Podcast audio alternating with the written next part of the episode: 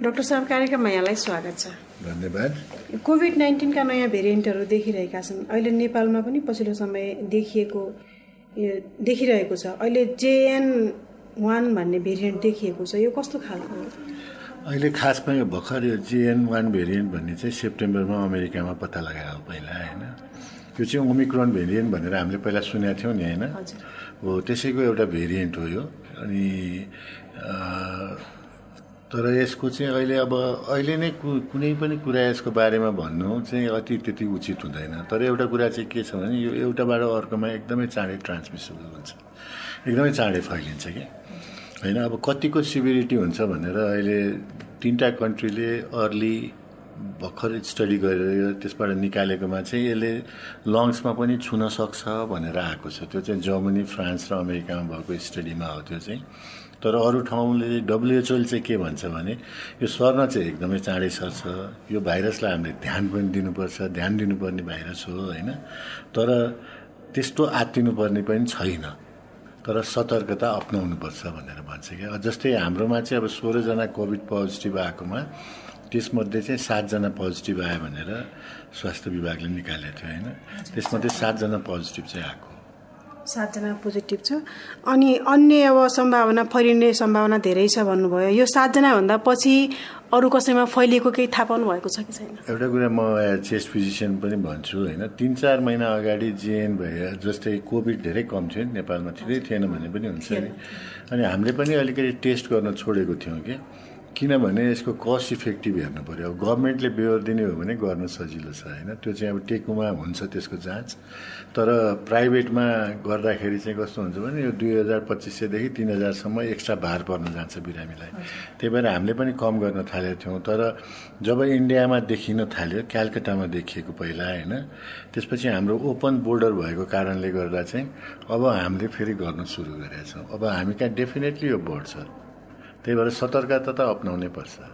भनेपछि अहिले सबै अस्पतालहरूमा यस यसको सतर्कताका लागि सुरुवात भएको छ टेस्ट गर्न त अब जस्तै आइसियु भर्ना हुने बिरामी या वार्डमा बिरामी भर्ना भएको बिरामीलाई त हामीले गर्थ्यौँ नै होइन? ओपिडी बेसिस क्लिनिकमा जो आउँथे नि धेरै सिम्टम्स नलिएर हल्का सिम्टम्स मात्रै लिएर त्यस्तो पेसेन्टको गरिरहन्थ्यो अब उनीहरूको पनि गर्न सुरु गरिरहेको छ।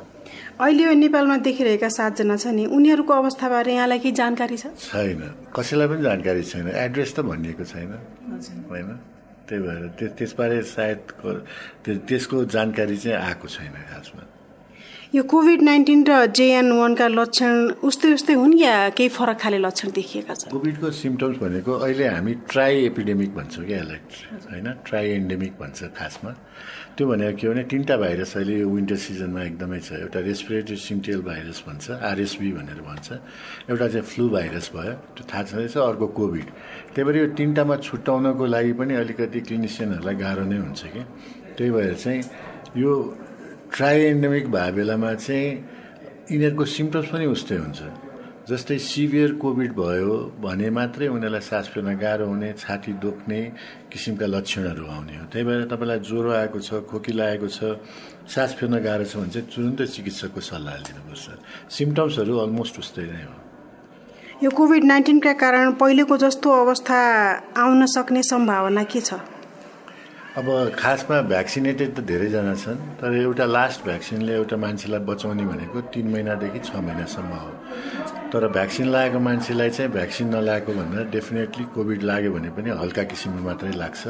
त्यही भएर हामी धेरैजना भ्याक्सिनेटेड भएको छ। पहिलाको जस्तो भयावह अस्तित्व त नआउला होइन? तर जुन अहिले नयाँ भ्याक्सिन आएको छ त्यो चाहिँ सबैले लाउनु चाहिँ उपयुक्त हुन्छ। अहिले भ्याक्सिनको अवस्था के छ?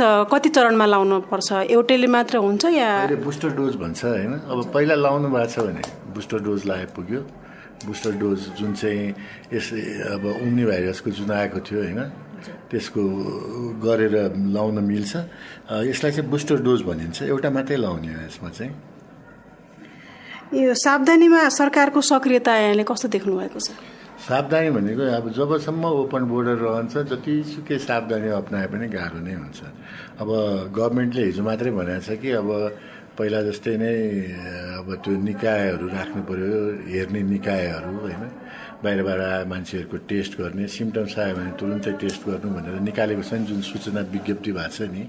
त्यो अनुसार चाहिँ अब सरकारले बिस्तारै गर्नुपर्छ। प्लस यसमा म एउटा के भन्न चाहन्छु भने अहिले चाहिँ सिडिसी डब्लुएचओले के रे रेकमेन्ड गर्छ भने माइल्ड टु मोडरेट कोभिड जसलाई चाहिँ पछि घातक कोभिड हुनसक्छ त्यस्तोमा चाहिँ ओरल एन्टिभाइरल ड्रग्स पनि पाइन्छ क्या। हामी कहाँ खासमा रेमडेसिभिर मात्रै पाइन्थ्यो नि पहिला पनि होइन? त्यस्तै अहिले पनि रेमडेसिभिरै पाइन्छ। तर त्यस्तो ओरल एन्टिभाइरल दुइटा दुइटा निस्केको छ क्या अहिले। हो त्यो चाहिँ उपलब्ध गराइदियो भने हामीलाई एकदम राम्रो हुन्छ अहिले त्यो उपलब्ध छैन। छैन अहिले जहाँ चाहिँ पाइँदैन त्यो। मलाई पाउँछु जस्तो लाग्दैन त्यो। यसको लागि चाहिँ के गर्नु पर्ला? यो उपलब्धताका लागि चाहिँ के गर्नु उपलब्धलाई अब यो फाइजर भन्ने कम्पनीको हो त्यो। एउटा चाहिँ त्यसमध्ये एउटा चाहिँ फाइजर भन्ने कम्पनीको जुन चाहिँ भनौँ न अठार महिनाभन्दा या थ्री केजीभन्दा बढीको बच्चादेखि सबैलाई चलाउन सकिन्छ यो औषधि। त्यही भएर त्यो चाहिँ एकदम राम्रो हुन्छ। यसमा सरकारले अहिले नै ध्यान दिएर त्यो औषधि मगाइदियो भने चाहिँ धेरै नै सहिलो हुन्छ कस्ता व्यक्तिलाई यसको जोखिम बढी हुन्छ? पैँसठी वर्षभन्दा बढीका व्यक्तिहरू जसलाई छातीको रोग छ मुटुको रोग छ किडनीको रोग छ डायबिटिज छ जो चाहिँ स्टेरोइड थेरापीमा हुनुहुन्छ या इम्युनोसप्रेसेन्ट भन्छ नि क्यान्सर बिरामीहरू त्यस्तो बिरामीहरूलाई चाहिँ भयो भने अलिक घातक किसिमले लाग्ने अरू रोग जस्तै यसमा पनि हुनसक्छ। यो नागरिक स्तरमा जनचेतना व्यापक बनाएर फेरि दैनिकीमा परिवर्तन ल्याउनु पर्ने आवश्यकता के छ अहिले? जस्तै पहिलेको जस्तो। पहिला र अहिलेकोमा के फरक छ भने पहिला चाहिँ बाहिरै ननिस्किनु भन्थ्यो होइन। आजकल चाहिँ घरमा धेरै नबस्नु बाहिर निस्किनु भनेर भन्छ। तर बाहिर निस्किनु भने फेरि एकदम भिडभाडमा जाने होइन कि? होइन? अलिकति मान्छे कम भएको ठाउँमा निस्किनु भन्छ। किनकि यो भाइरस चाहिँ इन्डोरमा बढी रेप्लिकेट हुन्छ कि? बढी मल्टिप्लाई हुन्छ। त्यही भएर भित्र बस्नु भन्दा पनि बाहिर बस्नु भनेर भन्छ। घरमा भेन्टिलेसन राम्रो राख्नु भनेर भन्छ। अब काठमाडौँमा यस्तो जाडो छ एक त भेन्टिलेसन फेरि पोल्युसनले गर्दा खोल्न मिल्दैन होइन? बिहानै र बेलुका खोल्नै मिल्दैन। अब दिउँसो मात्रै हो भेन्टिलेसन राम्रो गरेर राख्ने भनेको घरमा।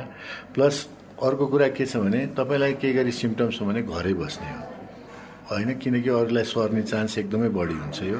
प्लस तपाईँलाई सिम्टम्स भयो भने चाहिँ तपाईँलाई लाग्छ कोभिड भयो भने कोभिड टेस्ट गराउनुहोस् होइन? पोजिटिभ आयो भने डक्टरको परामर्श लिनु औषधिहरू छ होइन?